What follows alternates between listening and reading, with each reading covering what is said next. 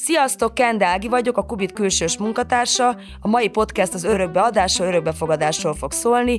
Vendégem Szilvási Léna, szociális munkás, gyermekvédelmi szakember, aki az SOS gyermekfalvak egyik szakmai vezetője.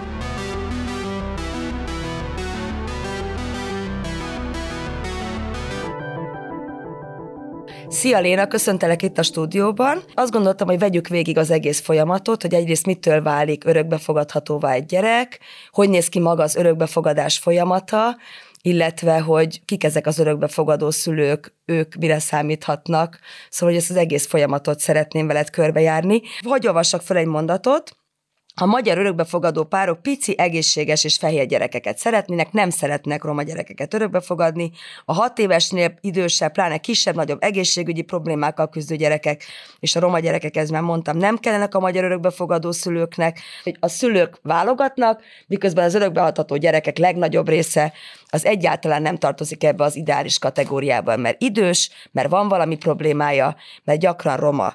Tehát az első kérdésem az, hogy egyrészt ez miért van nálunk így, hogy itt mindenki kicsi, fehér, egészséges gyereket akar, és miért van az, hogy külföldön, ha valamit, akkor inkább hajlandó örökbe fogadni. Tehát, hogy egészen máshogy tekintenek az örökbefogadásra hogy azt lehet erre mondani, hogy az örökbefogadó szülők is valamilyen módon a társadalom lenyomata, vagy a társadalom szociális helyzetének, vagy humán helyzetének a lenyomata, most értelmezzük akárhogy, tehát vegyük észre, és ez szerintem érdekes összehasonlítás, hogy a fejlett országok, tehát a nyugat-európai országok, skandináv országok, Észak-Amerika örökbefogadás szempontjából befogadó országok. Magyarország nem befogadó, örökbefogadás szempontjából nem befogadó ország, hanem küldő országnak számít. Pont ezért. És hogy miért befogadó országok azok az országok, ahol befogadnak, azért, mert már elfogyott a saját örökbefogadható gyerek. Skandináviában és Dániában, Hollandiában minimális a az országban született örökbeadható, örökbefogadható gyerekek száma, tehát ők kénytelenek külföldről örökbefogadni, és külföldről is idősebbeket, vagy legalábbis, hogy ott már elválik a réteg, mert valószínűleg a, a nagyon a harmadik világból lehet csecsemőket is örökbefogadni, tehát az a harmadik világbeli örökbefogadási turizmus vagy kereslet megjelenik. Kelet-Európából, mint Magyarországról azért inkább már a nagyobbakat, tehát hogy akit a hazai örökbefogadók már elfogadnak, azon felül tudnak csak hozzánk, vagy tőlünk elvinni gyerekeket, és ezek jellemzően az idősebbek, a sok testvér, vagy több testvér együtt, a valamiben sérültek, roma származású. De senki nem tart pisztolyt a, a fejükhöz, a skandináv örökbefogadó szülőknek is, hogy kvázi ilyen, ilyen értelemben egy ilyen nehezebb nem, nem, nem, csak nem izoláltan csak, hogy... élnek, nem izoláltan élnek a társadalomból, tehát valószínűleg azok az emberek választják ezt az utat, akik biztonságosnak érzik az iskolai ellátást, a szociális ellátást, az egészségügyi ellátást. Tehát, hogy kapnak segítséget a gyerekeik Tehát, hogy tudnak hova uh-huh. fordulni, hogyha egy, egy, egy idegen nyelvet beszélő gyereket örökbe fogadnak, akkor nem érzik azt, hogy itt minden neki kell megoldaniuk, hanem tudnak támaszkodni az óvodára, iskolára, a tanárokra, egészségügyi ellátórendszerre, hogy ehhez értően fog viszonyulni. És szemletbeli különbség nem lehet, hogy abban is van, hogy mondjuk Magyarországon inkább mindenki a saját vér szerinti gyerekét próbálja pótolni ezzel, hogy örökbe fogad egy gyereket, míg mondjuk kint egy ilyen erősebb altruista, hogy mentsünk meg egy nehéz sorsú gyereket? Tehát, hogy van ez szemletbeli különbség a kettő között, vagy...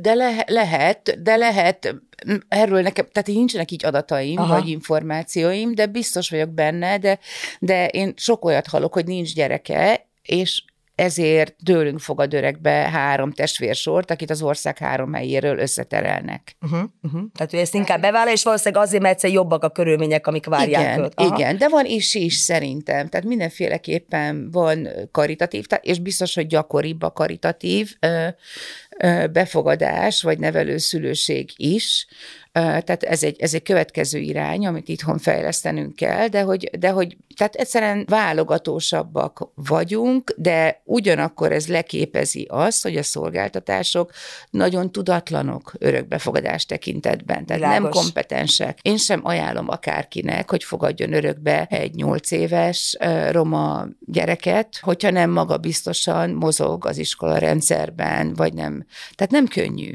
egyáltalán. Na és akkor ez lett volna a kérdés, hogy akkor mesélj egy kicsit, hogy milyenek az örökbefogadó szülők Magyarországon, tehát hogy miért ezek a választások, mitől szoronganak, egyáltalán kik ezek a szülők, hogy kell mondjuk társadalmi helyzet szempontjából elképzelnünk? Hát az, az, az nagyon látszik, hogy hogy az örökbefogadó szülők többsége Budapesten jelentkezik. Tehát, hogy van egy ilyen örökbefogadási térkép, illetve van egy örökbefogadó szülő térkép Magyarország, ahol Budapest és a városok azok, akik mint kereslet megjelennek, mint örökbe fogadni vágyó szülők sorba állnak, és van a, a felkínálható gyerektérkép, ami egészen más képet mutat, tehát, hogy ott a, a, a szokásos szegény megyék, tehát a észak-magyarországi, dél-magyarországi, baranyai megyei megyék, az örökbe adó megyék, tehát, hogy országosan teljesen távol vannak egymástól a, az örökbefogadásért sorban állok, meg az örökbeadható gyerekek, tehát ez fontos tudnunk. Tehát magyarán biztosítani kell egy viszonylag középosztálybeli lételt egy leendő örökbefogadó szülőpárnak. Ez mennyire cigány gyerek kérdés? Tehát az örökbeadható gyerekeknek az aránya mennyire? Mert hogyha azt mondod, hogy a kibocsátó megyék, ha azt látjuk, hogy a gyermekvédelemben másodatokból tudjuk, hogy nagyon magas arányban a szakellátásban felülreprezentáltak a roma gyerekek, akkor azt gondolnám, hogy az örökbeadható gyerekek között is nagyon felülreprezentáltak. Biztos, hogy felülreprezentáltak. Itt ugye van ez a furcsaság, hogy nem lehet nyilván tartani a származásukat, tehát nem lehet pontos adatot tudni, és ez egy elég nagy gubanc az örökbe fogadás, adás területén, mert hogy ugye egy tehát senki nem tudja a pontos adatot. Egy csecsemőnél csak ránézésre lehet gondolni valamit. Tehát az örökbefogadó szülő sem azt kapja, hogy na, itt van egy roma gyerek, hanem itt van egy gyerek. És akkor ő dönti el, hogy neki ő roma, vagy nem roma. Tehát ez egy ez rettentesen bonyolult kérdés, én szerintem, és óriási csapdák vannak benne, és biztos, hogy több a roma gyerek, és, és hogy a legtöbben származási kikötéssel jelentkeznek. Hát magyarán nem akarnak roma gyereket. Igen, uh-huh. igen. És mit mondanak ők, hogy miért nem szeretnének? Szerintem a képzésen az én tapasztalatom szerint az van, hogy azért a, a, ez az elő, tehát hozott előítélet, de gyakorlatilag a csoportok, a, amiket hallok, visszajelzéseket, hogy ott megfordulnak az emberek. Tehát, hogy tulajdonképpen egy értő közegben, értő érvelek mellett, tehát valószínűleg nem beszéltek erről soha senkivel, csak azt gondolják, hogy ez egy nehezebb feladat, vagy ők nem akarják, de amint akár egy eh, roma másik házaspárral találkoznak a tréningen, akár egy vendég valakivel, aki roma származású, akár csak azért, mert a örökbefogadó tréningen erről beszélnek, nagy többségében megváltozik az emberek véleménye az elfogadásról.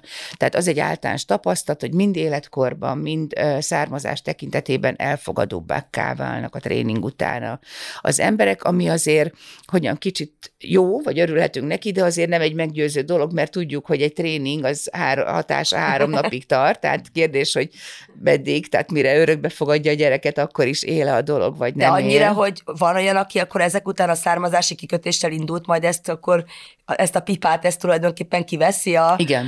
a boxból, és akkor... Előfordul. Egyébként ez olyan érdekes, de olyan természetesnek vesszük, hogy származási kikötés, tehát már van egy ilyen kis szakszó is Igen. el, vagy műszó is Igen. erre a dolog, és pont a, amikor ezt, megint ezt a cikket emlegessem, készítettem interjút a, a Takács Edittal, és ő mesélte azt a példát, hogy, hogy, hogy Angliában, úgy, úgy emlékszik, hogy Angliában volt, az azt mondták, hogy ha nem vagy elfogadó, akkor igen, ne igen. is legyél örökbefogadó igen. szülő, és akkor ezt tőled is megkérdeztem, igen, igen. és te azt mondtad, hogy ebben megengedő, vagy sőt maga a Judit is, aki igen. ezt mutatja a szociológusként, megengedő volt, hogy, hogy, hogy mond, hogy ezt miért vagy ebben a szemben megengedőbb, hogyha valaki egyébként ennyire nem tud a lelkemén elfogadó mm. lenni?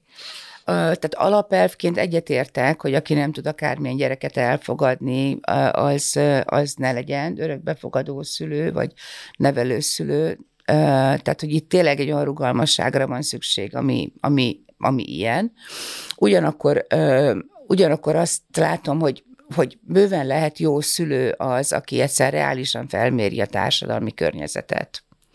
Tehát, hogy hogyan lehet valaki rugalmas és idealista, és aztán majd a poforoktól nem fog tudni fölállni. Tehát, hogy, hogy nekem ez is egy realitás érzék, hogyha az ember azt látja, hogy ebben a környezetben ez túl sok. Volt ez elhíresült 2020-21-ben, összem 21 volt, amikor a családas család kampány is volt, meg abból tényleg azért nagyon nagy politikai visszhangot vert, amikor az egyedülállóknak tulajdonképpen megtiltották az örökbefogadás, az örökbefogadást, és illetve miniszteri engedélyhez kötötték. És emögött egyébként akár nem is teljesen titkoltan, de gyakorlatilag az LMBTQ pároknak a kirekesztése volt, holott a szakirodalomból is tudott az, hogy, hogy az azonos nemű párok gyakran sokkal bevállalósabbak, mert nekik ez a legjobb megoldás az örökbefogadás, míg azért a, a, a heterópároknak nagyon sokszor az örökbefogadás egy gyásznak az eredménye, hogy nem jött össze a saját gyerek,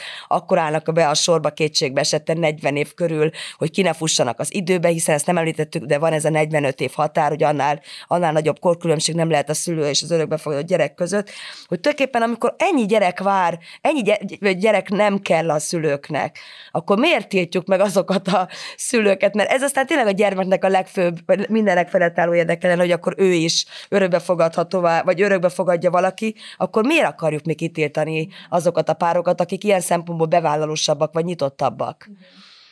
Hát valószínűleg aki betiltja, az ezt a bevállalás, bevállalás, bevállalóságot nem, nem látja, vagy nem gondolja, sőt, fél tőle.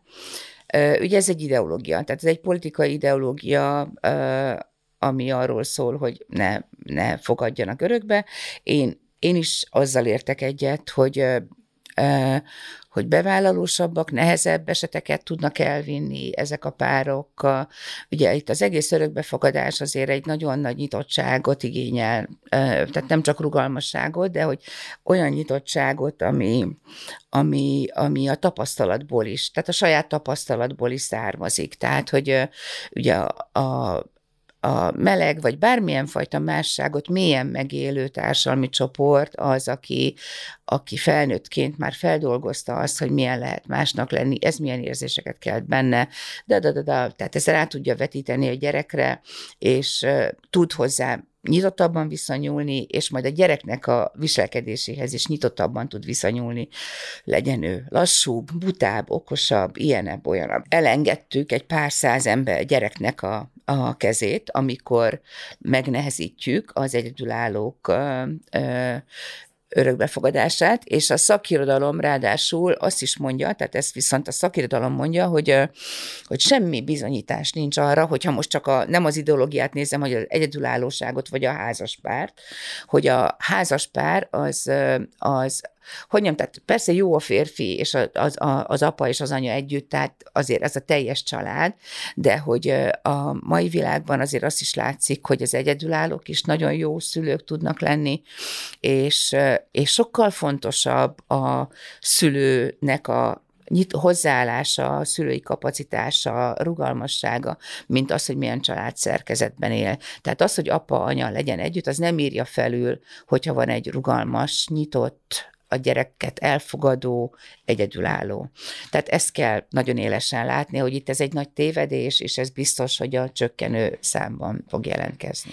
És még az a kérdés, hogy szerintem, hogy nagyon sok örökbe fogadó párt a fő rettegése most túl az, hogy eldöntött, hogy hajlandó a roma gyereket, vagy nem roma gyereket örökbe fogadni, az az, hogy lesz-e, vagy egészséges lesz-e, ki fognak, mikor fog kiderülni, hogy milyen problémái vannak. Sőt, én hallottam olyat, akik kifejezetten azért nem szeretne csecsemőt örökbe fogadni, inkább ilyen két-három éves korú gyereket, mert addigra már ezek a nagyobb egészségügyi problémák kiderülhetnek.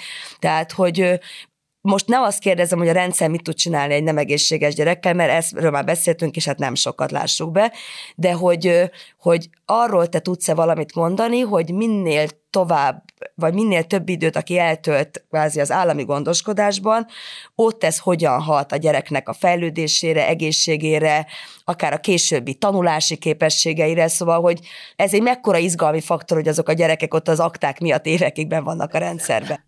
Köszönöm, ez, az, ez a legfontosabb kérdés, és erre nagyon is tudok valamit mondani. Ugye a legkevésbé sikeres örökbe adások, vagy fogadások, tehát történeteknél a háttértényező az az, tehát a, hogy amik legerősebben befolyásolják negatív irányban a gyerek fejlődési kilátásait, az az, hogy mi történt vele magzati korban,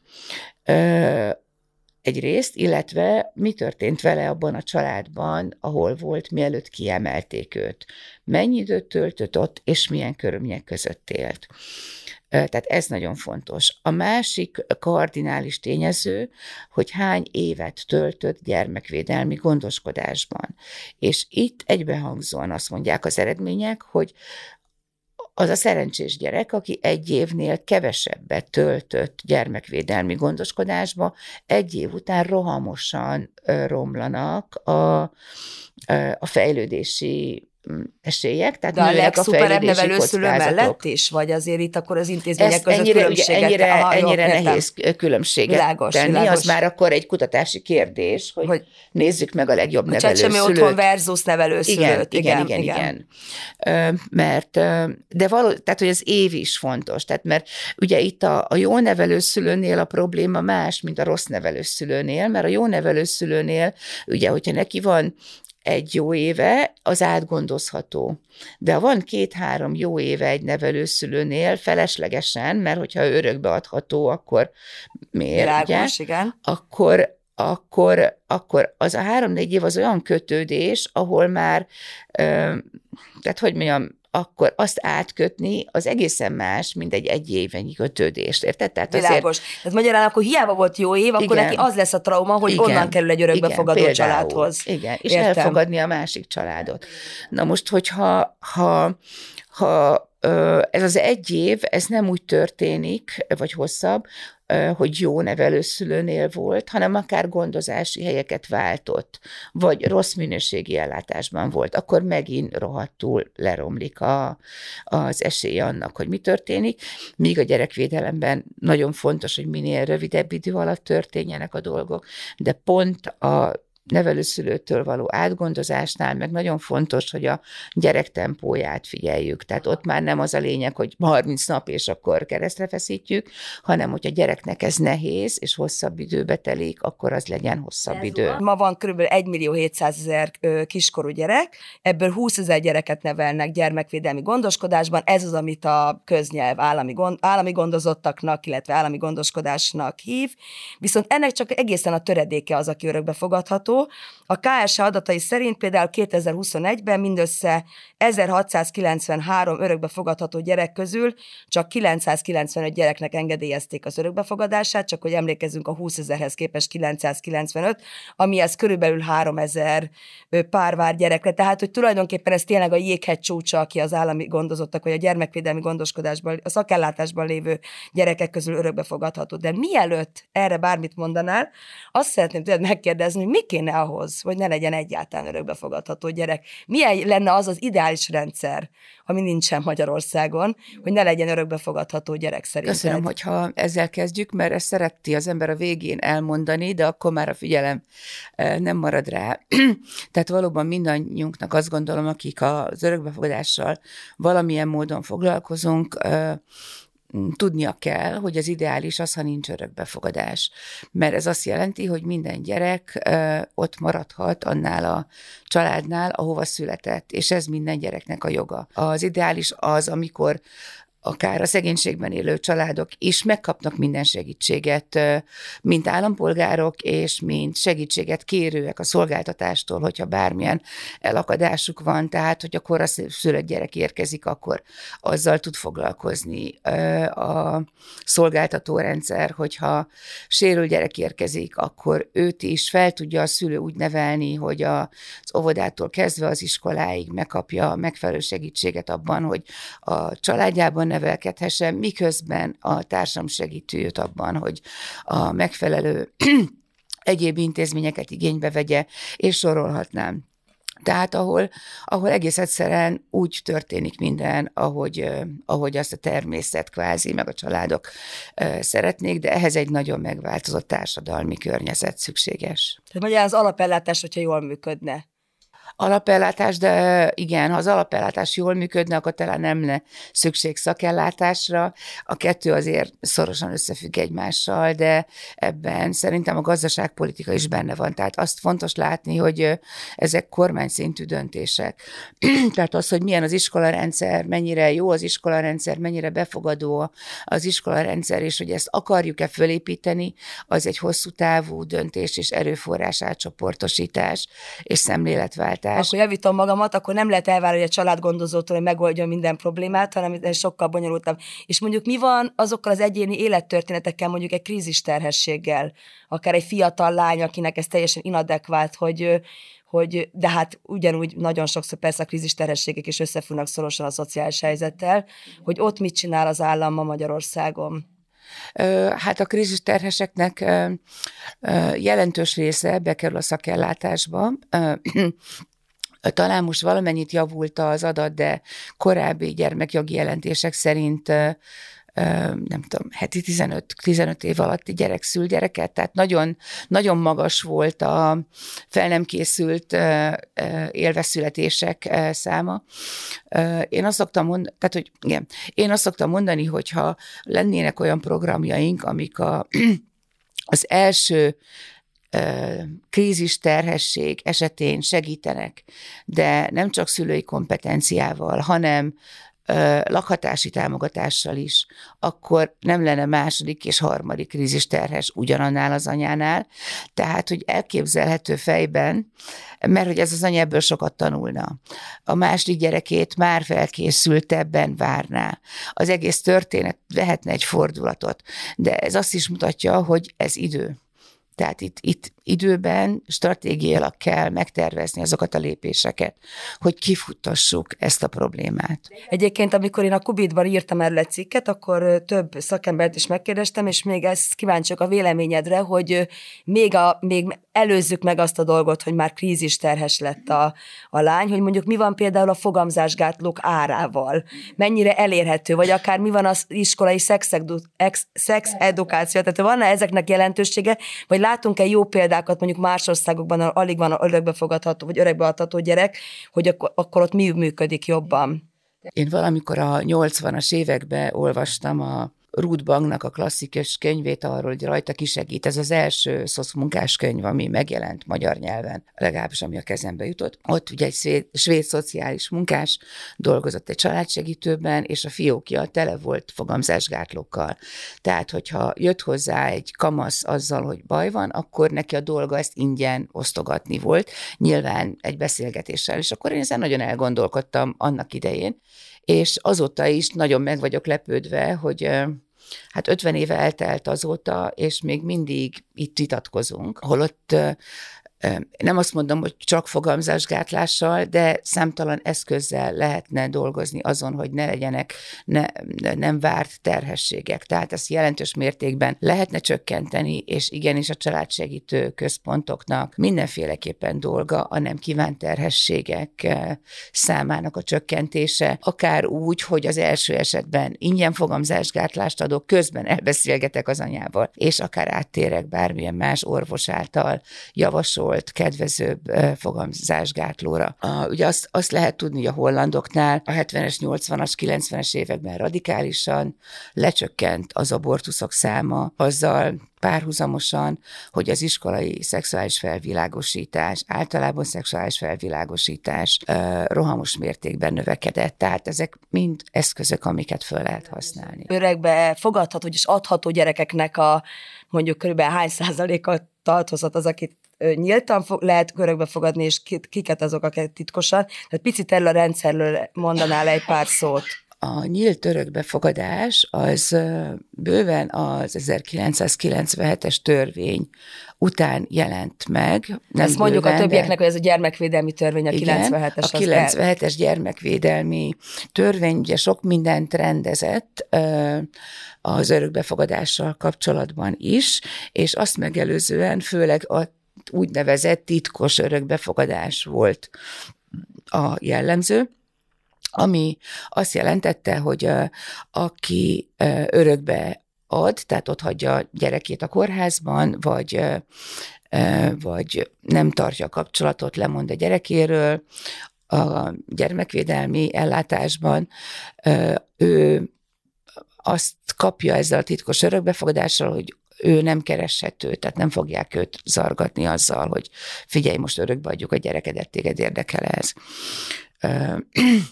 És ugyanígy az örökbefogadó szülők azzal, hogy ők örökbefogadtak titkosan egy gyereket, lemondtak arról, hogy, hogy a gyerek kiskorában utána járjanak az örökbefogadó szülőknek, ha kérdéseik lennének. Tehát ők nem kereshették a, a gyerek vér szüleit, és ez egy titok volt. Senki nem tudott egymás lakcíméről, egymás nevéről. Viszont a, a nyílt örökbefogadás az, az ugye a bölcső alapítványjal kezdődött, és aztán később néhány új alapítvány született, ma talán 9-11 alapítvány van, aki közvetít nyílt örökbefogadást, ami különbség, hogy ők csak csecsemőket közvetíthetnek, tehát csak a frissen megszületett vagy születendő babák esetében közvetítenek, itt beszélünk elsősorban a krízis terhesekről, akik nyíltan, tehát a nevüket is kimondva valakinek a javára mondanak le a gyerekükről. Tehát itt mind az örökbeadó, mind az örökbeadó fél ismeri nem csak a nevét, de találkozik is egymással, és ez az örökbeadás, ez egy valakinek szóló örökbeadás. Tehát ez a nyílt örökbeadás, és ez arányaiban most nem merek pontos számot mondani, nem egészen a fele, kevesebb, mint a fele. Igen, én is úgy emlékszem, a szakemberek, amikor ebben az interjúban egy hivatkoztak el, talán egyharmad, kétharmad hangzott el, hogy kb. egyharmada nyílt és kétharmada a titkos. Ez teljesen jól meg, meg kell különböztetni a nyílt örökbefogadáshoz képest a titkosnak azt a részét, amikor a gyermekvédelmen keresztül kerül valaki örökbe adhatóvá, hogy akkor ezt hogy kell elképzelni. Tehát, ugye itt először bekerül a gyerek a gyerekvédelem rendszerébe, mert és... hogy kiemelik a családjából, mert hogy veszélyeztetve van otthon. Van. Igen, tehát, hogy többnyire itt nem önkéntes beleegyezésekről van szó, hanem arról van szó, hogy a, egy, egy adott család környezete úgy ítéli meg, hogy ott a gyerekek nincsenek biztonságban. Ez lehet a gyerekjóléti szolgálat, a gyámhivatal, egy szomszéd, a rendőrség, az iskola, az óvoda, tehát bárki, aki a gyerekkel kapcsolatban van, az érezheti, hogy valami nem stimmel. Ha a szülő abba hagyja az örökbe, abba hagyja a gyerek látogatását, olyan van, hogy rendszertelenül látogat, és a többi, de abba hagyja a látogatását, és három hónapon keresztül nem látogat, és nem ad életjelt magáról, akkor elindítható az örökbe adhatósági folyamat. Tehát ez egy friss jogszabály, korábban ez hat hónap volt, most ez három hónap, és három hónap után akkor a gyám tesz egy jelzést a kormányhivatal felé, hogy indítsák el az örökbeadhatósági, örökbeadhatóvá nyilvánítást. A probléma ezzel az, hogy általában ez is idő.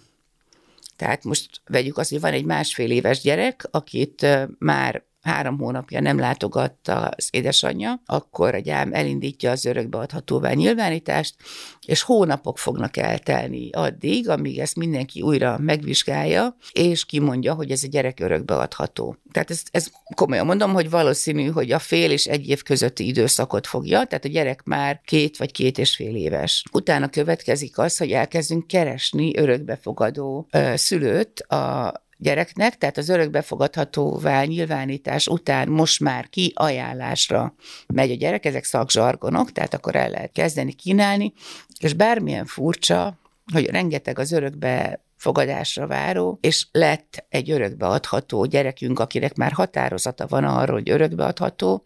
A legtöbb nevelőszülő arról számol be, hogy míg találnak neki szülőt, megfelelő szülőt, az is hat hónap, egy év, másfél év. Tehát a gyerek már négy éves. De mivel nem kell a szülőknek? Vagy miért? Nem, nem, a bürokrácia miatt. Tehát ezt hogy kell elképzelni? Egy ügyintézőnek van 15 fontos aktája, és azt mind át kell alaposan néznie, és oda-vissza kerül, ha valami nem stimmel. Tavaly 60 fővel bővítették a, a a státuszokat az örökbefogadási szolgálatnál. Nagyon fontos. Tehát másfélszeresére növelték, hanem kétszeresére azokat a munkatársakat, akik az örökbeadással foglalkoznak, és ennek hatására már idén látható, hogy 10-20 százalékkal több gyereknek az aktája mozdult előre. Amúgy is egy ilyen nagyon stigmatizált történet ez az örökbefogadás, pláne az örökbe adó anya vagy család, az különösen csújtja az a stigma, hogy a gyerekéről sem tud gondoskodni, holott itt mondod ezt a hat hónap, és amit most lecsökkentettek három hónapra, hogy azért azt akkor ne felejtsük el megegyezni, hogy valószínűleg ilyenkor nem jó kedvükben nem látogatják ezeket a gyerekeket, hanem épp az elképesztő mély szegénység, ami vezetett vezetett aztán a veszélyeztetettséghez, ami miatt kiemelődött a gyerek, és amit, amit pont tetőle tudok, hogy egyre kevésbé támogat az önkormányzat, hogy az önkormányzaton múlik, hogy például az úti költséget támogatja. Tehát gyakran jól értem, akkor ezek a családok el se jutnak ezekhez a gyerekekhez, hiszen a alapproblémájuk az, hogy nincsen semmiük. Teljesen igazad van. Én is átugrottam arra, hogy hat hónapról három hónapra csökkentették a kapcsolattartást. Ez valóban az örökbefogadók kedvében történő döntés, miközben az akták megcsúsznak tovább. Igen, igen. Azt gondolom, hogy a, a gyereküket otthagyó, vagy a vér szerinti anyákkal, ugye a leggyengébb lánceme ennek az egész folyamatnak. És amíg ezt nem állítjuk talpra, addig, addig újra termelődik gyakorlatilag ez a piac. Mert hogy akikről beszéltünk, a krízis terhesek a legelején nyilvánvalóan bajban vannak. Hogy van, tudunk anyákról, akik a nyolcadik gyereküket szülik, és mind örökbe adták, de azt gondolom, hogy ez is egy cinizmus a rendszer részéről, hogy, hogy soha senki seg, semmi segítséget nem nyújtott ennek az anyának azon túl, hogy beengedte a kórházba jó esetben megszülni a gyerekét, és utána rá se köszönt, és el, hagyta, hagyta eltávozni, mintha mi sem történt volna, mintha nem lehetne szóba elegyedni ezekkel az emberekkel, és meghallgatni, hogy, hogy nekik mi bajuk van. Tehát nem csak a gyerek szívverését, hanem mondjuk az anya szívverését is meghallgatni. Ezért is mondom, hogy nagyon fontos, hogy az első gyereknél foglalkozunk, nyilván nem kizárva az összes többi gyereket, de hogy, hogyha azt mondjuk, hogy kevés az erőforrás, akkor lehet egy ilyen stratégiát építeni, de az biztos, hogy a vérszerinti szülőket, amikor elveszítik a gyereküket így vagy úgy, ott abban a pillanatban senki nem támogatja. És ez egy emberileg egy olyan morális lecsúszás, akárhogy is vesszük saját magára, ahol az ember vagy dühös lesz, de mivel nők vagyunk, ezért többnyire depresszióba esünk, vagy reménytelenségbe, vagy elbújunk magunk elől, vagy leisszuk magunkat, vagy még nagyobb hülyeséget csinálunk, tehát hogy vágjuk magunk alatt a fát, nem beszélve a szülés utáni depresszióról, ami, ami a nők fel esetében szintén jelen van ebben a két-három hónapban. Úgyhogy segítség nélkül ez a három hónap, ez egy embertelen gesztus. Ha van segítség, tehát hogyha a vérszerinti anya mellett van egy komoly szakember, aki akár mint egy krízis terhes tanácsadó végigcsinálja vele ezt a folyamatot, vagy mint az örökbeadásnál a 6-7 és a 6-7 filmben láthatjuk, hogy milyen érzelmek zajlanak egy ilyen anyában, hát ezekben az anyákban is ilyen érzelmek zajlanak, csak már annyira elfolytottan, mert annyira nem kíváncsi senki az ő érzéseikre, hogy ez valahol mélyen, mélyen el van rejtve, de van. Ez az anyáknak a, a krízis megoldása, hogy lemondanak a gyerekekről, vagy van, találkoztatok-e olyan esetekkel, amikor mondjuk a családok nyomják, mondjuk az anya akarata ellenébe, hogy hát ezt a gyereket már ide nem hozhatod, meg nem tarthatod meg? A, az a, nem az én tapasztalatom, mert én sajnos nem ezen a területen dolgozom most, de hogy akik ezen a területen dolgoznak, azt mesélik, hogy az esetek egy jelentős részében visszafordítható a folyamat. Tehát a krízis anya a lemondás helyett a megtartást választja, akkor, hogyha a család mellé áll. Tehát, hogy itt valóban az estek jelentős részében az van, hogy az anya egyedül érzi magát, és úgy érzi, hogy őt a család nem támogatja, és lehet, hogy a család nem támogatja így elsőre, de hogyha egy hozzáértő szakember megszólítja őket, akkor ez a támogató erő feléleszthető és feléled. Az most nagyon üdvözlendő ebben a megint ebben a kialakult helyzetben, hogy 60 emberrel, munkatársal bővült a, akik majd tudják intézni tulajdonképpen az örökbe adás folyamatát, de megint egy kicsit azt érzem, hogy, a, hogy a, ezt a rendszert építjük ki, ahelyett, hogy a preventív rendszert építenénk ki. Tehát, hogy most az erőforrásokat oda, oda, oda, vagy oda csoportosítjuk, hogy ez a dolog minél gördülékenyebb legyen, holott, hogy te is mondod, ahelyett, hogy az egész rendszert megelőznénk, hogy ne legyen örökbe adható gyerek. Végső soron igazad van.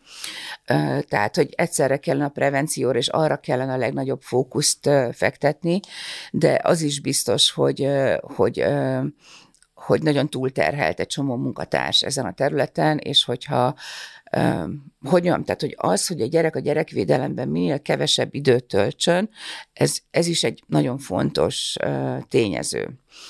Most ettől még nem fog, ettől egy kicsit kevesebbet fognak azok tölteni, akik örökbeadhatóak de tulajdonképpen az összes gyereknek kevés időt kellene töltenie a gyerekvédelem rendszerében, tehát hogy egy fejlett országban a gyermekvédelemben általánosan eltöltött idő az, az inkább két év körül van, vagy annál kevesebb. Nyilván vannak kilengések, Nálunk szerintem az országos átlag 8-5 és fél év. Te is egy roma gyereket fogadtál annak idején örökbe, hogy engem az annyira izgat, hogy azért legtöbb esetben nem roma szülők fogadnak örökbe roma gyerekeket, hogy most túl azokon, hogy az előítéletesség és a, és a nehézség mindaz, amiről beszéltünk, hogy vajon milyen gyerekkor, milyen múltból jön az a, az a kisgyerek, hogy te, mint örökbe fogadó szülő, milyen identitást tudsz neki adni, vagy ez, egy, ez szerintem egy annyira izgalmas kérdés, hogy, hogy, hogy egyáltalán kell-e, kell-e feladatod-e az, hogy mondjuk roma identitást adj egy roma kisfiúnak?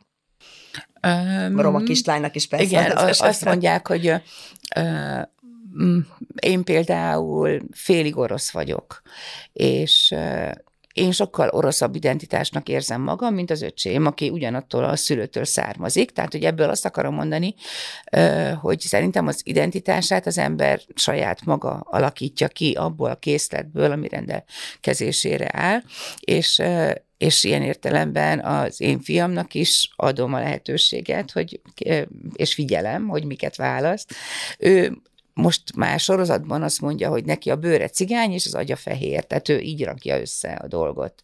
És ebben különbözik a cigányoktól és a fehérektől is, tehát, hogy nem könnyű egyébként azzal az identitással élni, és, és most több ilyen roma örökbefogadott gyerek történetét olvasom, ugye most jelent meg ez a, az új könyv, a Roma Dop tehát ugye a roma gyerekek örökbefudásával kapcsolatban, úgyhogy azt látom, hogy ez sokféle, ez is sokféle, de bekaptatok valaha segítséget, vagy ilyen alulról jövő módon szövetkeztek, és csoportosultatok, és beszéltek erről a kérdésről. Szerintem egyébként valószínűleg a amikor te örbe fogadtál, még ez, ez az egyszerű Facebook csoportozás sokkal kevésbé állt le. Nem, vagy, egyáltalán nem igen, volt. mert szerintem akik Igen. mostanában fogadnak örökbe ilyen szempontból, biztos, hogy sokkal több ilyen informális hát, csoportosulás igen, van, ahonnan igen. kaphatnak. Hát nézd, nekünk ugye akkor a Mózes Kosár Egyesületet akkor hoztuk létre, és akkor ott a csapaton belül volt beszélgetés, nagyon hamar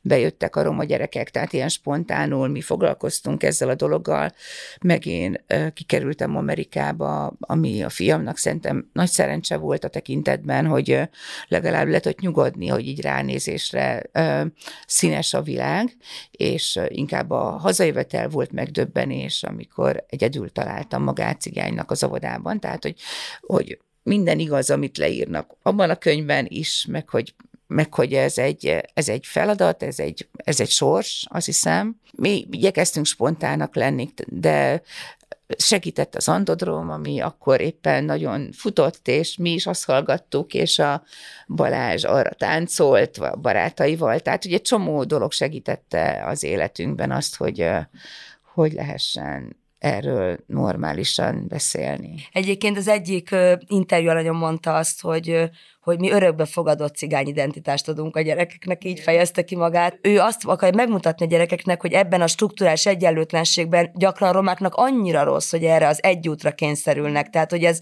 nem valami az, az anyai elhanyag, elhanyagolás vagy szeretetlenség áll mögötte, hanem ez a szegénység, vagy ez a kirekesztett élet, és hogy így próbálja ezt a gyerekeinek átadni. Na jó, hát nagyon szépen köszönöm a beszélgetést, és akkor itt volt velünk a stúdióban Szilvási Léna, aki az SOS gyermekfalvaknak az egyik szakmai vezetője, illetve szociális munkás és gyermekvédelmi szakember.